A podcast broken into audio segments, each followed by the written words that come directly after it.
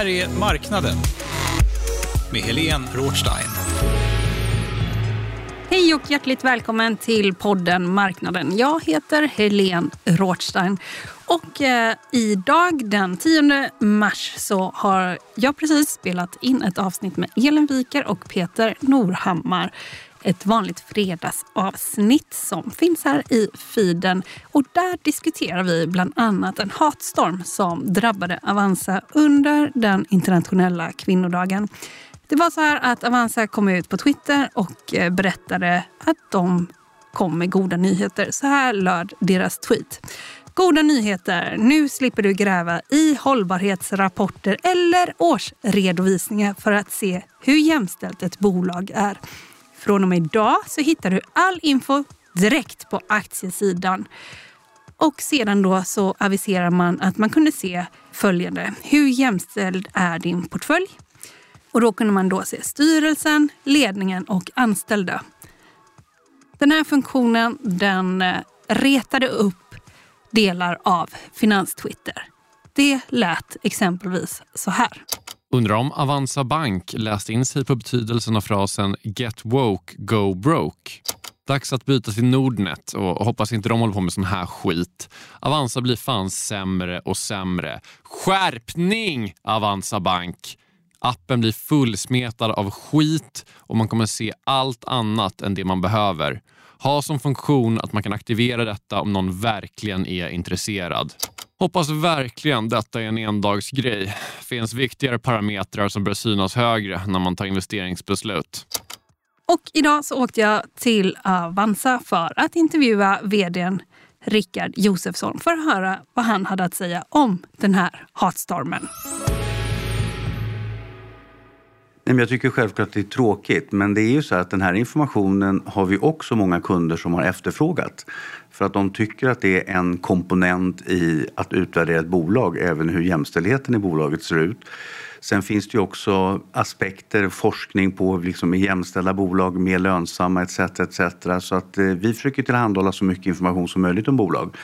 Eh, och det är tråkigt att några inte uppskattar den här informationen men man behöver ju inte använda den här informationen i sitt beslutsfattande om sina investeringar. Sen kommer vi framöver säkerligen publicera mer hållbarhetsinformation till våra kunder för det finns en stigande efterfrågan på det och då kanske vi kommer paketera det på, på något sätt som inte riktigt ser ut som det gör idag. Men det är någonting vi håller på att arbeta med just nu.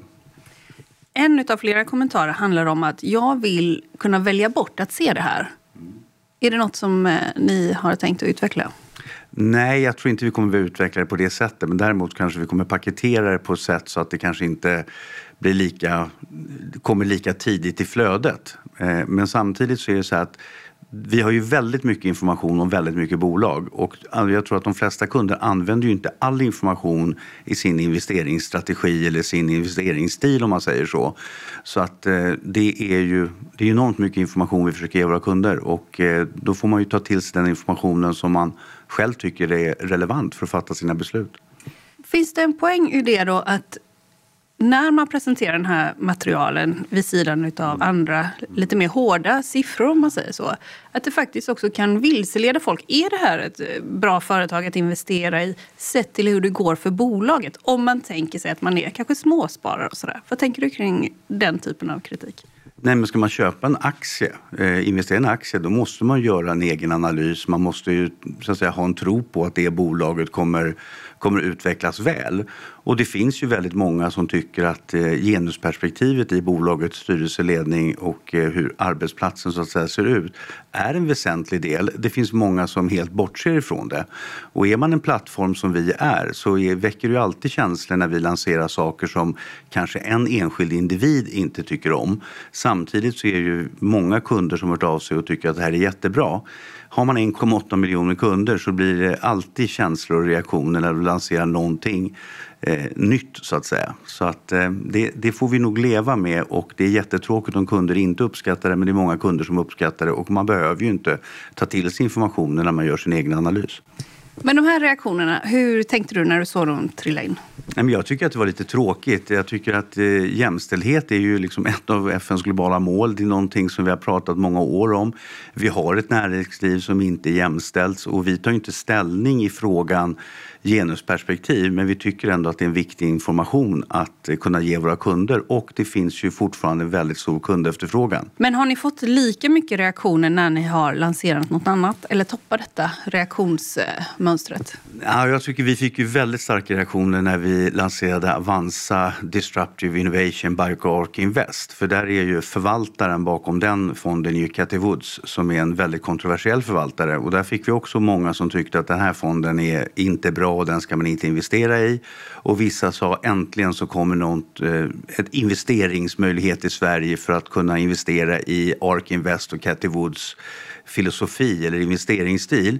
Och då var det ju också en polarisering i att vissa tyckte äntligen kommer Cathy Woods till Sverige och vissa tyckte hur kan man lansera en fond med Cathy Woods som förra året hade ett väldigt dålig performance för att hon är ju väldigt, väldigt tech-inriktad på ny teknologi, en av de första investerarna i Tesla.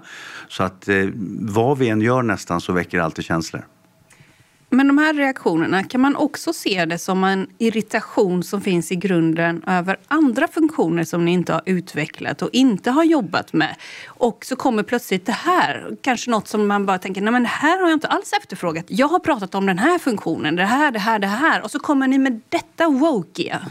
Ja, eh, det är ju så att vi utvecklar ju hela tiden information och vi kommer komma med ännu mer information. Vi har precis lanserat här för några veckor sedan via Morningstar tusen analyser på amerikanska aktier som var väldigt efterfrågat. Nu kommer det här och vi har ju alltid kunder som är extremt engagerade och vill ha mer och mer och mer, vilket är otroligt inspirerande.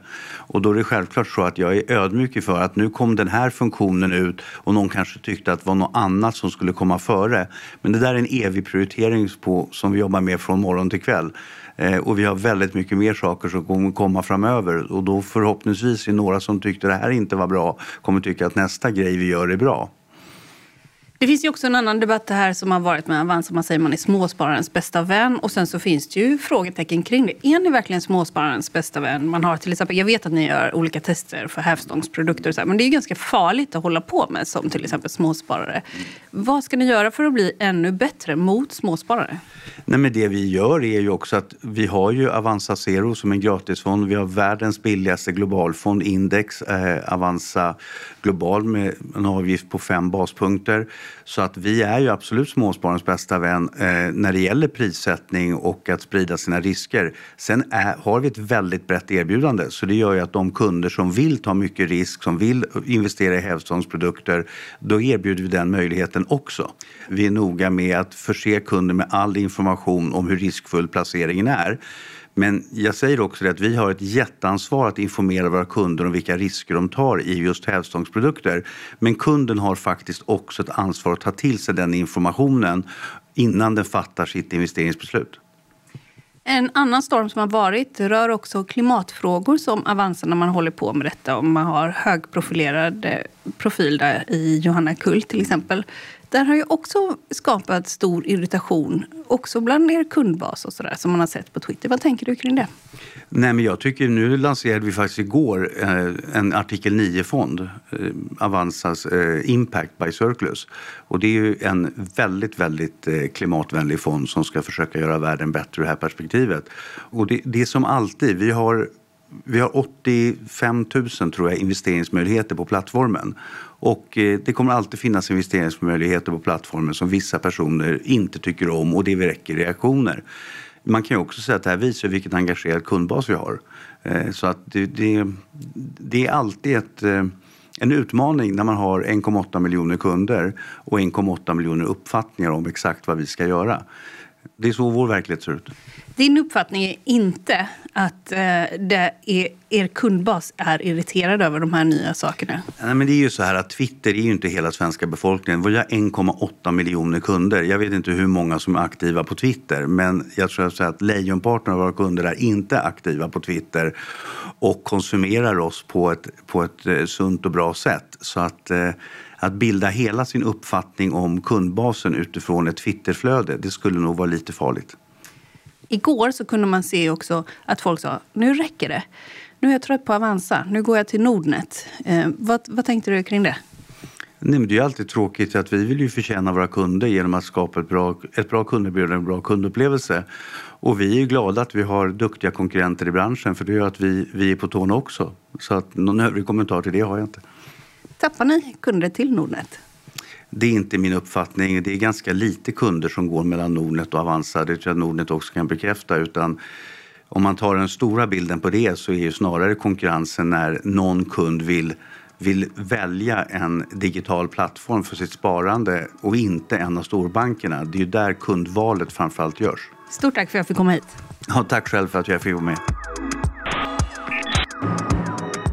Vi nöjer oss med detta så länge från Rickard Josefsson, vd på Avanza. Vi kommer någon gång framöver att bjuda in honom som en längre intervju här i marknaden. Den här podden den produceras av Monopol Media. Ansvarig utgivare är Jakob Bursell och jag heter Helene Rådstein. Vi tackar för att du har lyssnat och vi hörs igen. Håll ut till dess. Trevlig helg!